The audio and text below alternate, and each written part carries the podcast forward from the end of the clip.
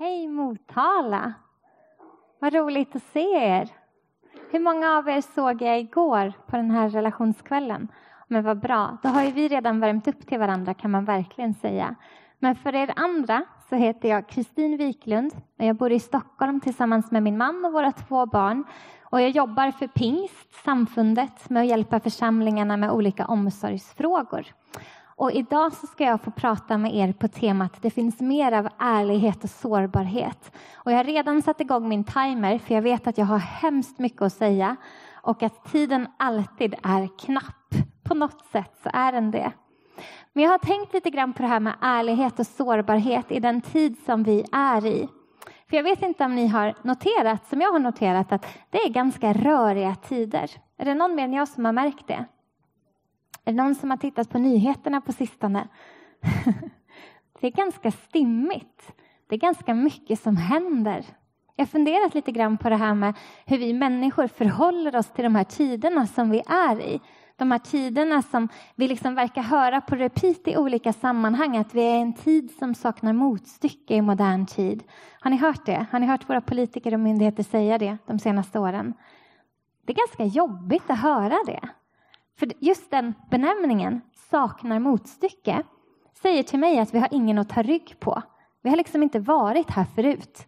Och så gör de referenser liksom till ja, men andra världskriget eller murens fall eller ni vet långt, långt bak i tiden där man tänker att men det var ju då när vi inte hade koll på läget. Nu har vi ju koll på läget. Inte ska de referenserna vara aktuella 2022. Så tänker jag på de här åren som har gått Tänker på pandemin som var. Minns ni att det var en pandemi nyligen? Har ni hört rykten att den är över, fast typ ändå inte? Ni vet.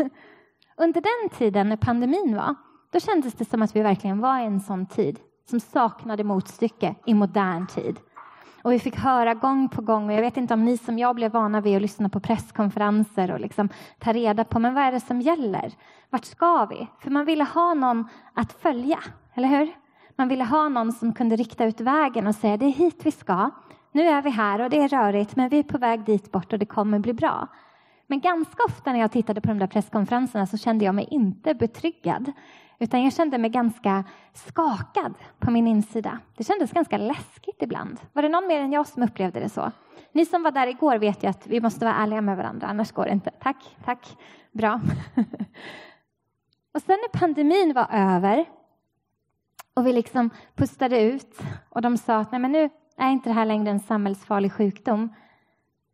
Folkhälsomyndigheten slutade hålla presskonferenser och så kliver Försvarsmakten fram som vi liksom knappt har sett jag har i alla fall aldrig sett dem förut. Jag visste inte vilka de var. Jag visste inte knappt att vi hade en försvarsmakt. Jag tänkte väl att vi hade det, men då kliver de fram och säger nu tänkte vi att vi kunde hålla låda här lite. Nu kan ni börja följa våra sändningar på torsdagar. Eh, för i det här vakuumet av Folkhälsomyndigheten så kliver vi fram, för det är inte över. För då fick vi ett krig i vårt närområde. Och de orden, krig i vårt närområde, det rörde upp de här känslorna igen, tyckte jag, som kom i början av pandemin. Så var det för mig i varje fall. Att det blev liksom vad är det för tid vi är i? Vad är det som händer? Vad rörigt det är. Är det ingen som vet vart vi ska? Är det ingen som har varit här förut? Och sen så kom det ett val i Sverige. Och det var ju också minst sagt ganska rörigt, eller hur? Och vi fick någon slags delning i vårt land där hälften med någon slags tillförsikt om att ja, men det kanske blir bra, blev nöjda, men ändå lite oro. Och hälften blev missnöjda med någon slags rädsla av att det här blir nog inte alls bra. Så landet blev liksom uppdelat och vi har inte varit i ett sådant politiskt läge förut. Så gång på gång på gång de senaste åren så har vi behövt förhålla oss till de här meningarna. Vi har inte varit här förut. Det finns ingen att ta rygg på. Det saknar motstycke och det skapar någonting inom oss människor. Det skapar en rörighet och en osäkerhet och det skapar en känsla av att vem ska jag följa? Hur ska jag veta vart vi ska? Och det är rörigt. Och så mitt i allt det där som händer på den här globala nivån, ni vet i det kollektiva medvetandet hos mänskligheten, nationellt för Sverige, men mer än någonsin globalt. Eller hur? Så kommer allt det där som finns på vår egen insida också upp. För det är alltid så med kollektiva kriser, globala trauman. De drar alltid igång det där som finns på vår egen insida också. Det är liksom inte så att då hanterar vi det här stora och så är det bra så. Utan när det stora händer så inser vi hur osäkra vi känner oss kring allt det där lilla också. Så funkar vi människor. Helt naturligt, helt i sin ordning. Men då behöver vi någon att ankra oss fast vid, någon att ta rygg på. Och jag har tänkt så mycket på det här med att ha en guide. Och ni förstår ju att Jesus är guiden, så ni liksom, vi kommer snart till Bibeln, allt kommer bli bra. Vi ska läsa Bibeln tillsammans. Det här är bara inledningen. Linnea har gett mig en maxtid, så ni behöver inte vara oroliga. Jag kommer förhålla mig till den. Timern tickar, vi är uppe i fem minuter. Det är allt under kontroll. Men min man han besteg Kebnekaise för några veckor sedan. Och det var de värsta väderförhållandena som hade varit för hela den säsongen. Och modig som han är så tyckte han att östra leden lät som en bra idé. Är det någon här inne som har bestigit Kebnekaise? Det brukar inte vara det, men okej. Okay. Då kan jag berätta för er att man kan gå två vägar. Man kan gå den västra leden, det här vänster, ja, västra leden, och då går man liksom runt berget. Det är en super, super jobbig vandring, men det är en vandring. Man liksom går på en stig och man vandrar uppåt längs med berget och så kommer man upp. Östra leden, å andra sidan, det är alltså bergsbestigning. Det är passager över glaciärer. Det är klättra längs med klippväggar, 100 meter stup rakt ner och så vidare. Det visste inte min man när han sa jag går östra leden, för den lät bra. Och han berättade för mig när han kom hem, för det var spöregn och det var snöstorm och det var liksom kaos och de hängde där på klippväggen och han behövde byta sina handskar och de kom efter och guiden försvann lite längre fram och han berättade för mig om alla de här passagerna som var läskiga. Där han kände att nu har jag ingen att ta rygg på. Nu vet jag inte vart guiden är, nu vet jag inte hur vi ska ta oss över den här passagen. Här sitter det något plakat med någon skylt att här är det någon som har dött tidigare, det är bara att blunda och klättra vidare liksom, ungefär. Han berättade för mig att den absolut läskigaste passagen, det var när han och en till hade kommit lite grann ifrån guiden när de hängde på en klippvägg och de inte visste ifall guiden stod och väntade på dem där nere när de kom ner. Så de behövde processa tanken, tänk om vi måste gå över glaciären själva, utan guiden. Den rädslan var fruktansvärd, berättade min man för mig. Och då tänker jag på det att anledningen till att det var så fruktansvärt, förutom alla de här liksom externa faktorerna av snöstorm och man håller på att frysa ihjäl och det liksom är kaos och allmänt läskigt och livsfarligt, det var för att guiden visste ju vad den gjorde. Guiden som var där nere, och det löste sig, de behövde inte gå över själva, men guiden hade ju koll. Guiden hade varit där förut och när de kom ner så kunde guiden säga bra att ni är här. Nu gör vi lite pingvinhuddle så att vi blir varma och sen så ska vi gå över glaciären och sen är det bara rakt ner. Guiden hade varit där förut. Det fanns någon att ta rygg på. Guiden hade ett perspektiv som de inte hade. Och att känna att man hade kommit ifrån guiden var fruktansvärt läskigt. Och då tänker jag på oss i den här tiden som vi är i, med det här livet, med allt det här som händer. Mitt i allt det här som händer ska vi hålla våra relationer sunda och hälsosamma och trygga. När vi har fullt sjå med att hantera vårt eget inre och vår egen rörighet och vår egen sårbarhet och våra egna frågor och vår egen oro så ska vi vara en god förälder, vi ska vara en bra granne, vi ska liksom vara förebilder på arbetsplatsen. Vi ska försöka leva det här kristna livet där vi på något sätt ska berätta någonting för omvärlden om vem Jesus är genom våra handlingar och våra leenden. Och ni vet allt det här. Det är ganska övermäktigt ibland. Eller är det bara jag som tycker det? Jag tycker att det kan kännas lite svårt ibland. Ibland har jag liksom fullt sjå med mitt eget inre och så ska jag också vara en förebild för någon annan. Får man ha en dålig dag som kristen? Ja, men det får man ju. Men får man ha en dålig dag inför sin granne? Ja, det får man. Jag tror att det evangelium som Jesus ger oss, de goda nyheterna, är långt mycket mer sårbara och ärliga och kanske inte fullt så... Hur ska jag säga? De goda nyheterna är såklart perfekta. Men hur det här livet levs ser mycket mer transparent och sårbart ut än vad vi kanske har förstått. Och så tänker jag på livet som den här vandringen mellan någonting och på väg till någonting. Och då ska vi läsa psalm 23 tillsammans. För jag tycker att psalm 23 summerar ganska mycket vad det är att vara en människa som behöver förhålla sig till livets villkor och allt det här som händer. Så om du har din bibel så kan du vara med mig och läsa, annars så kommer texten upp där. Då står det så här i psalm 23. Herren är min herde, ingenting ska fattas mig. Han för mig i vall på gröna ängar. Han låter mig vila vid lugna vatten. Han ger mig ny kraft och leder mig på rätta vägar, sitt namn till ära. Inte ens i den mörkaste dal fruktar jag något ont, ty du är med mig. Din käpp och din stav gör mig trygg. Du dukar ett bord för mig i mina fienders åsyn och du smörjer mitt huvud med olja och fyller min bägare till bredden. Din godhet och nåd ska följa mig varje dag i mitt liv och Herrens hus ska vara mitt hem så länge jag lever. Den här salmen säger till mig någonting om riktningen i våra liv. Den presenterar ju lite olika passager, eller hur? Här borta någonstans så har vi dödsskuggans dal, eller hur? Den mörkaste dalen. Och någonstans här borta så har vi de gröna ängarna. Platsen där Guds godhet och nåd ska vara mitt hem så länge jag lever. Där det liksom är fullkomlig frid och återhämtning och vila. Här är på något sätt slutdestinationen, både på riktigt slutdestinationen men också livets riktnings slutdestination. Att det är hitåt vi på något sätt söker att komma, till de gröna ängarna där vilan och friden och återhämtningen och bägaren flödar över och oljan, du vet allt det här. Här är det gött att vara. Men här borta verkar ju också vara någonting som vi behöver förhålla oss till. Det står inte ens när jag går genom den mörkaste dal och i en annan översiktning är det inte ens när jag går genom dödsskuggans dal så fruktar jag något ont. Varför då? Jo, för att du är med mig. Guiden, din käpp och din stav gör mig trygg.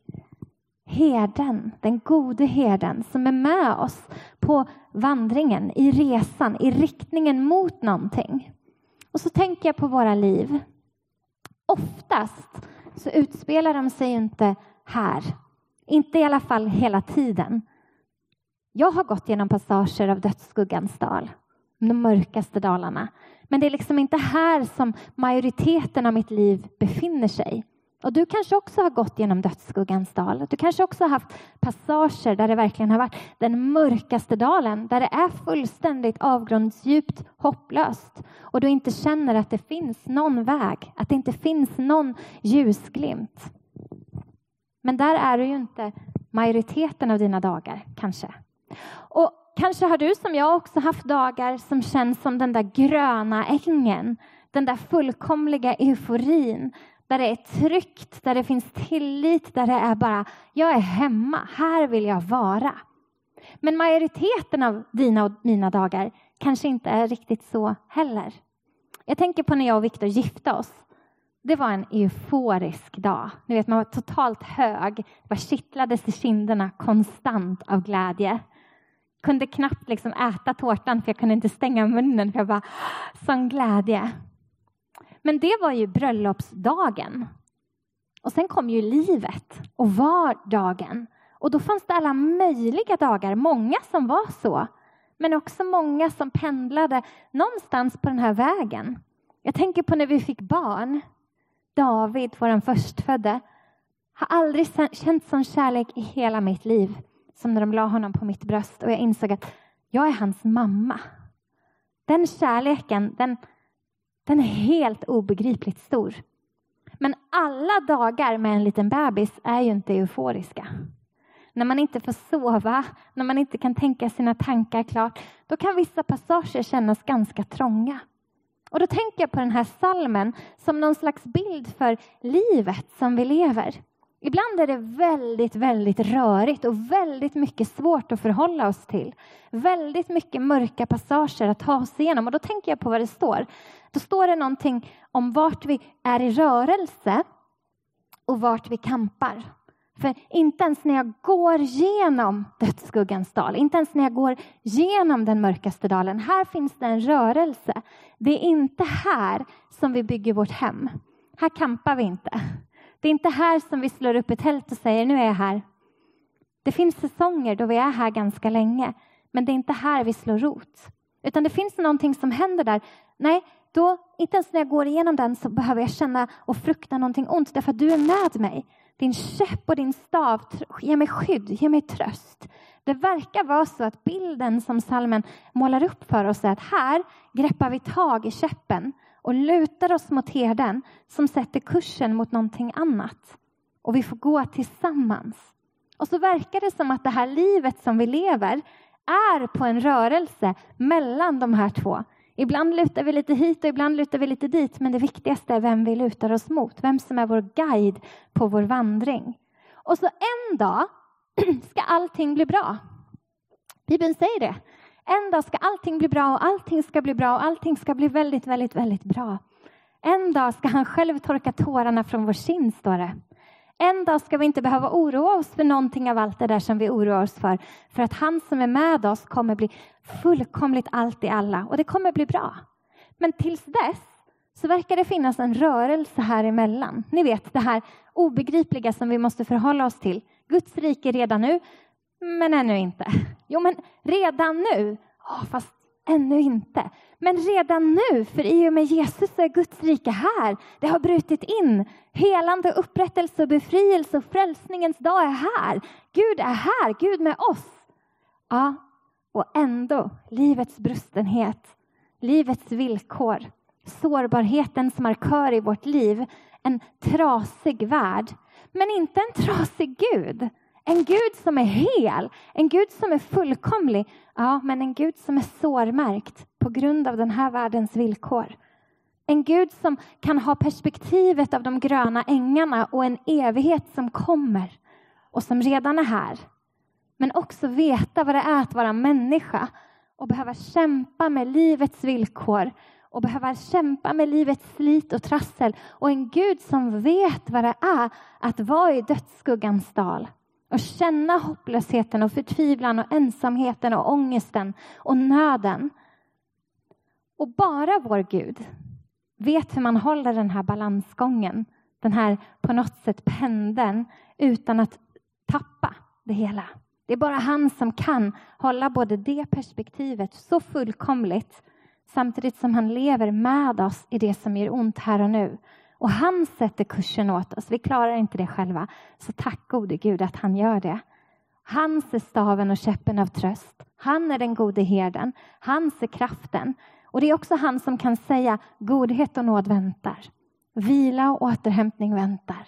Livet med mig är en vandring och jag är med dig. Och blir det tre steg hit och två steg hit, då dansar vi lite. Det är okej. Okay. Vi förhåller oss till livets mellanrum tillsammans. För här Någonstans här befinner vi oss, du och jag. Allt som oftast. Och ibland slår pendeln över hit och ibland slår pendeln över hit. Men du och jag befinner oss just nu i livets mellanrum. Och vad gör vår Gud med oss i livets mellanrum? Det ska vi ta reda på nu. Är ni med? Det där var introduktionen. I livets mellanrum så gråter vår Gud med oss. Vill du gå med mig till Johannes 11 så ska vi läsa om Lazarus. Lazarus, han var en man som Bibeln lär oss var en god vän till Jesus. Han var bror till Marta och Maria och de bodde i en by som hette Betania, ungefär en halvtimme från Jerusalem, vandring från Jerusalem. Jesus var av förklarliga skäl ofta i Jerusalem. Han var in och ut ur staden väldigt ofta, så han hade anledning att passera Betania väldigt frekvent. Och Bibeln lär oss, inte en gång, inte två gånger, inte tre gånger, utan återkommande, att Jesus var vän med Lazarus, att han hade honom kär, att det här var hans... Det här var inte bara personer som han ibland liksom träffade, utan han hade anledning att känna en så pass stor trygghet med dem att han ville sova över i deras hem, äta mat vid deras bord. Ni vet, han hade kanske sin egen, jag var inte där, men han kanske hade sin egen tandborste hemma hos dem. Liksom. Vi har anledning att tro att det här var en nära relation. Det här var riktig vänskap. Det lär oss Bibeln. Gång på gång så betonas det hur Jesus höll av de här människorna, den här familjen. Maria, det är samma Maria som ni vet smorde Jesus fötter med den här dyra, dyra nardusoljan. Ni vet? Det finns massor av liksom, hintar i Bibeln om hur det här var Jesus goda vänner. Och så hade Jesus och hans lärjungar varit i Jerusalem och i krokarna kring Betania. Och Jesus hade påstått saker om sig själv i närvaron av de skriftlärda, i närvaron av de som ville hitta någonting att sätta dit honom för. Och Jesus hade talat om sig själv som den som faktiskt hade död och liv i sina händer. Han hade likställt sig själv med Gud, för han är ju Gud.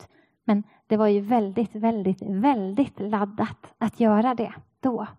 Så de hade velat stena honom och hotat dem att stena honom. Så Jesus och hans kompisar de hade behövt lämna staden och ta sig därifrån till andra sidan floden och liksom hålla sig borta. För att annars hade risken varit stor att de hade blivit utsatta för ja, stenkastning helt enkelt. Och så kommer det en dag då Lazarus blir väldigt, väldigt, väldigt sjuk. Väldigt, väldigt sjuk. Dödssjuk verkar det som.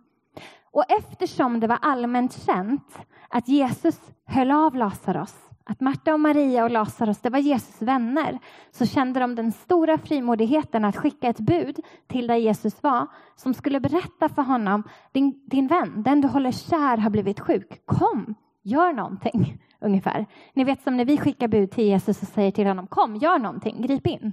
Jag kan inte själv, kom, hjälp. Och då gör Jesus någonting som är fullständigt obegripligt. Helt totalt obegripligt.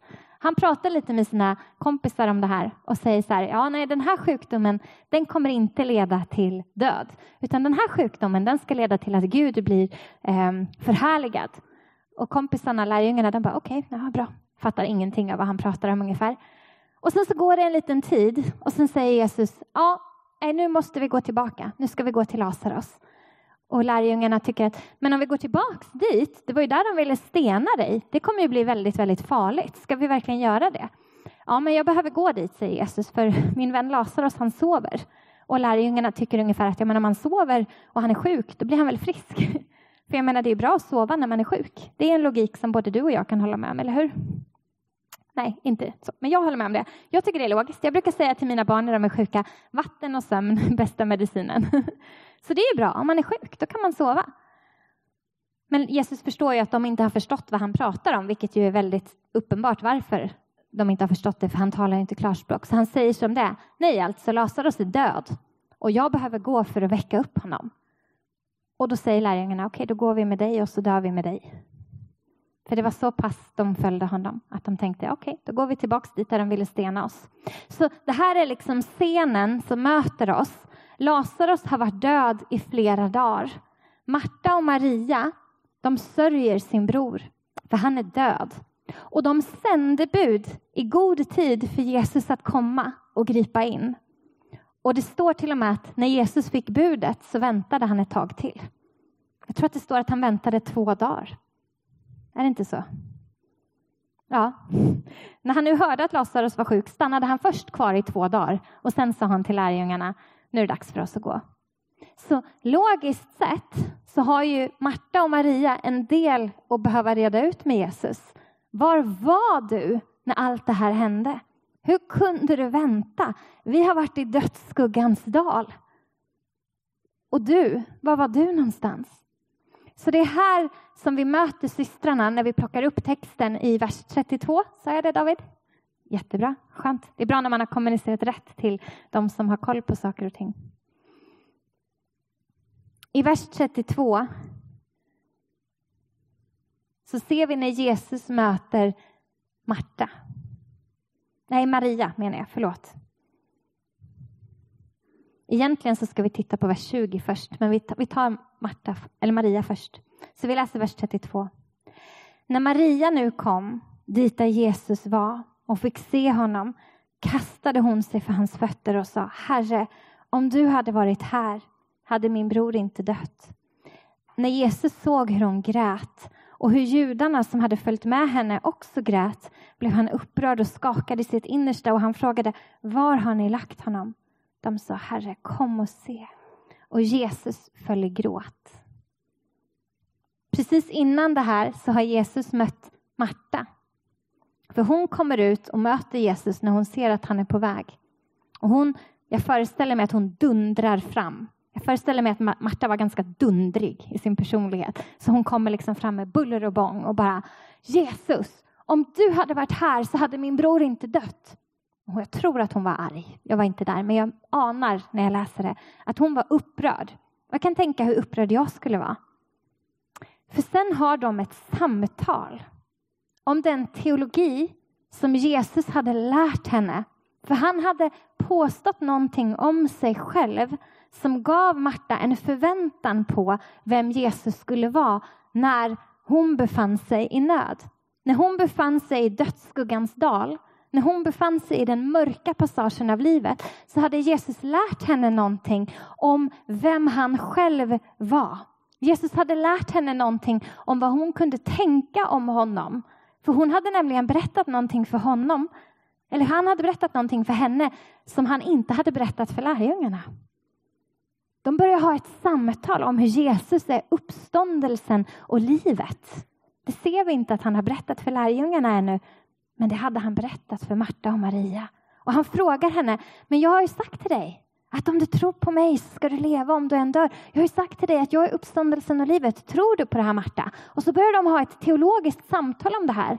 Där Marta på något sätt får processa den teologin som han hade gett henne. Som totalt fallerade när hennes bror dog. När Jesus lät hennes bror dö.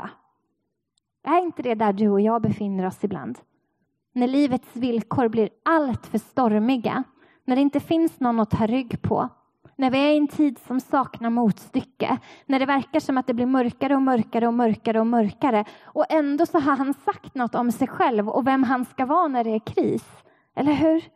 Då kan vi också behöva processa vår teologi och stångas lite grann med ordet och säga men det står ju att du är god. Det står ju att du har all makt. Jag har behövt göra det i varje fall. Men det kanske bara jag. Marta behövde göra det. Hon behövde få utrymme att processa vem Jesus hade lärt henne att han var och hur det faktiskt förhöll sig med livets villkor. Det som är det vackra med det här är att Jesus låter henne ha den processen. Han låter henne stångas och brottas och processa och ifrågasätta och kritisera. Och han möter henne i hennes frågor och i hennes argument. Och de resonerar sig fram till någonting som vi vet inte hur, men det landar i att hon blir någorlunda nöjd och går och hämtar Maria. Men när Maria kommer ut, då har hon ingen kritik. Hon har inga teologiska resonemang hon behöver få svar på. Jag föreställer mig hur hon faller ihop framför Jesus och bara gråter. Så om du hade varit här så hade min bror levt. Och vad gör Jesus då?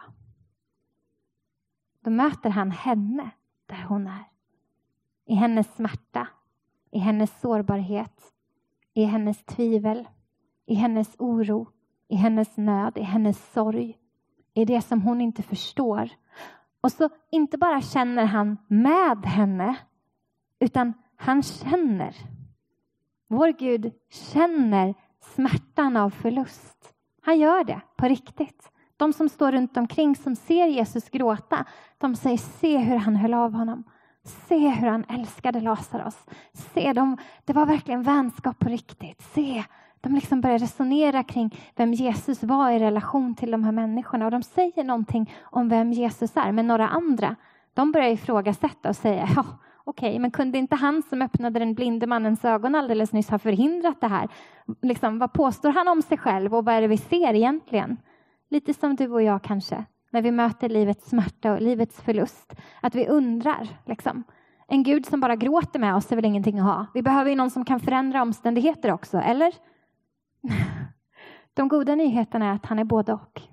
Han är både guden som gråter med oss och guden som förändrar omständigheterna. Han är en, men han är fullt ut sann människa och sann Gud. Det finns ett teologiskt begrepp som heter transcendent, höjd över allting, ouppnåelig, upphöjd, liksom bortom denna värld, bortom vad vi kan beskriva och förklara. Transcendent.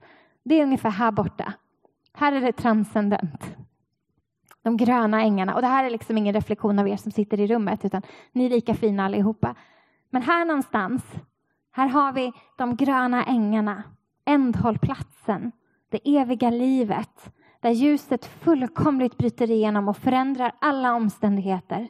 Där döden inte längre har någon makt, utan där han som är uppståndelsen och livet segrar. Där han får öppna boken, bryta sigillet och ni vet, allt det där som vi hoppas på. Men han är också immanent, vår Gud. Och det betyder någonting annat. Ni vet Emanuel som vi pratar om kring julen. Gud med oss.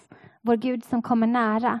Inneboende, närvarande. Någon som vet vad det är att vara människa. För att han själv är människa.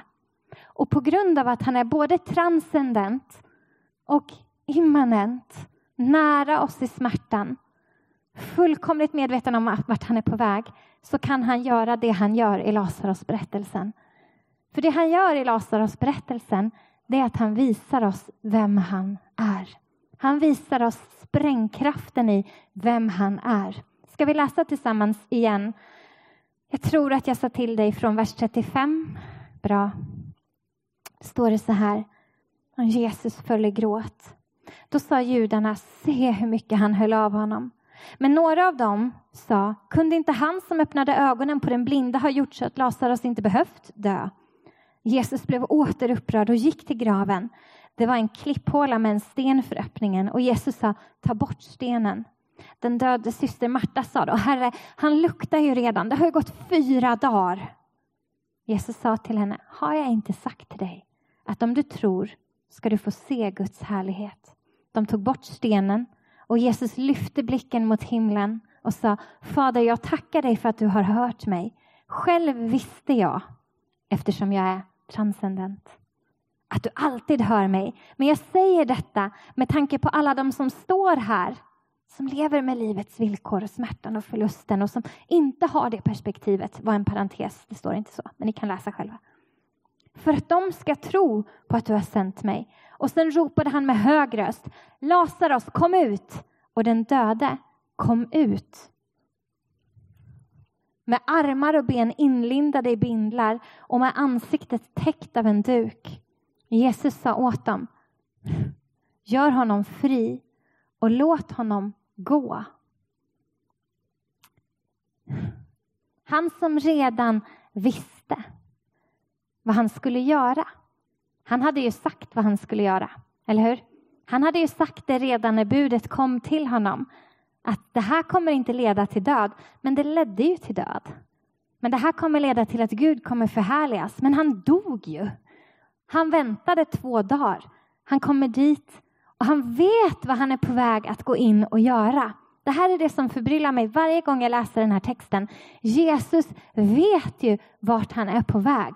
Han vet vad han ska göra. Han hade kunnat snabbspola hela det här scenariot. Alltså han hade kunnat göra det. Han hade kunnat komma dit och säga, jag vet vad du ska säga Marta. Uppståndelsen och livet, jag löser det här. Kom Lazarus, titta vad bra det blev. Han hade kunnat göra det. Han hade kunnat säga till Marta, nej eller Maria, spara dina tårar. Det är lugnt, det blir fest nu. Han ska leva, din bror ska leva. För jag är uppståndelsen och livet. Men vår Gud vet vad smärtan och förlusten är. Det finns de bibelforskarna som tror att vid den här tidpunkten i Jesus liv så kanske det var så att Jesus jordiske pappa Josef, ni vet som gifte sig med Maria, kanske att han redan hade dött. Han näm nämns inte och han nämns inte vid korset. Vi vet att han i alla fall inte är kvar i, i bilden då, så kanske att han redan hade dött. Kanske var det så, det här är spekulativt, kanske var det så att Jesus visste vad det var att stå vid en grav och gråta i smärtan och förlusten av någon som han älskade. Kanske. Men det vi vet med säkerhet är att vår Gud vet vad det är att vara människa. Så han vet hur det här mellanrummet upplevs för människor. Trots att han i sin transcendenta sitt transcendenta väsen vet också att den här smärtan är ingenting i jämförelse med det som kommer. Så negerar det inte det som är. Det tar inte bort, det förändrar inte det som är. Jag funderar på hur lång tid det kan ha varit där, den här passagen. Från att Jesus kommer dit och möter Maria, möter henne i hennes smärta, gråter med henne, noterar sörjarna. För ni vet, noterade ni det? Sörjarna som hade kommit med. Vet ni vad det var för några? Vet ni det? Ingen vågar säga någonting. Livrädd att jag ska dra upp er på scenen. Nej, sörjarna, vet ni vilka de var? Det var alltså människor som var med systrarna för att de var i kris som grät med dem i deras smärta. Det här är bland det vackraste som Bibeln lär oss. Det här är någonting jag vill så gärna att vi ska återerövra i vår tid. Att kunna stanna kvar med varandra i det som gör ont. Att inte snabbspola smärtan och komma till punkten då vi kan resa oss upp igen utan att faktiskt sätta oss ner bredvid en annan människa som lider och gråta med den. Att säga att nu gör det ont, nu är det bedrövligt, nu är det förlust, nu är det smärta, nu är det kris, nu är det tid att sörja. Och Marta och Maria var i sorg, så sörjarna hade kommit dit för att Lazarus hade dött. Och de alla följde med för att se vad ska Jesus göra. Och när de såg att han gick mot graven så trodde sörjarna att Jesus skulle gå för att sörja honom där. De trodde att okej, okay, men nu ska Jesus också, nu, nu har vi en till att ta hand om så att säga. En till som behöver förhålla sig till den här enorma förlusten som detta är. Oj, oj, oj, klockan. Men Jesus väcker upp Lazarus. Han kallar ut honom ur graven. Han uppmanar dem till att frigöra honom och han, låter honom gå och i frihet. Och Lazarusbilden, den är bilden inte bara av Guds allmakt. Inte bara någonting som ska peka till Jesus uppståndelse några kapitel senare utan också en bild av alltings uppståndelse, alltings upprättelse, alltings helande, alltings frälsning. Det vill säga, när vi ser Lazarus berättelsen så ser vi hur Jesus tar från död till liv och hur han har makt över död och liv. Så vad kan det ha varit? Från att Jesus möter Maria i hennes tårar till att han går bort till graven, kallar ut Lazarus binder upp honom och han är fri. Kan det ha varit en halvtimme? Jag har hört teologer som funderar om det kanske var en halvtimme. Kan vi säga att det var en halvtimme bara för att vi inte har så många minuter kvar så vi har inte så mycket tid att spåna? Liksom. Kan vi säga en halvtimme? Det var en halvtimme på jorden. En olidlig halvtimme av smärta. Och vad gör vår Gud med oss då? I livets mellanrum. Där gråter han med oss. Ni kan komma upp, lovsångsteamet. I livets mellanrum gråter han med oss. Det finns en annan halvtimme i Bibeln, i Uppenbarelseboken 8, där det står om Jesus, lammet, den enda som är värdig att bryta sigillet, det sjunde, att öppna livets bok, den enda som faktiskt har makt över liv och död, den enda som är värdig, den enda som transcendent kan säga någonting om det som evigt ska vara när han äntligen ska få bryta det sjunde sigillet. Öppna boken. Då står det att det är tyst i himlen i en halvtimme. Vi har en halvtimme på jorden där vår Gud gråter med oss. Hur lång tid en halvtimme i himlen, det vet jag inte. En halv evighet brukar vi prata om ibland. Ibland så kan smärtan kännas lång och förlusten kan kännas oerhörd. Men de goda nyheterna till dig och mig, det är att i livets mellanrum så gråter han med oss. Men de goda nyheterna är också att i livets mellanrum så tar han vår hand och han reser oss upp och vi får luta oss mot hans käpp och, tröst, käpp och stav av tröst. Och så får vi gå mot någonting, en riktning som inte vacklar. En riktning som inte förändras. En riktning som inte någon kan ta någonting ifrån. Bibeln lär oss att han är densamme igår och idag och i evighet.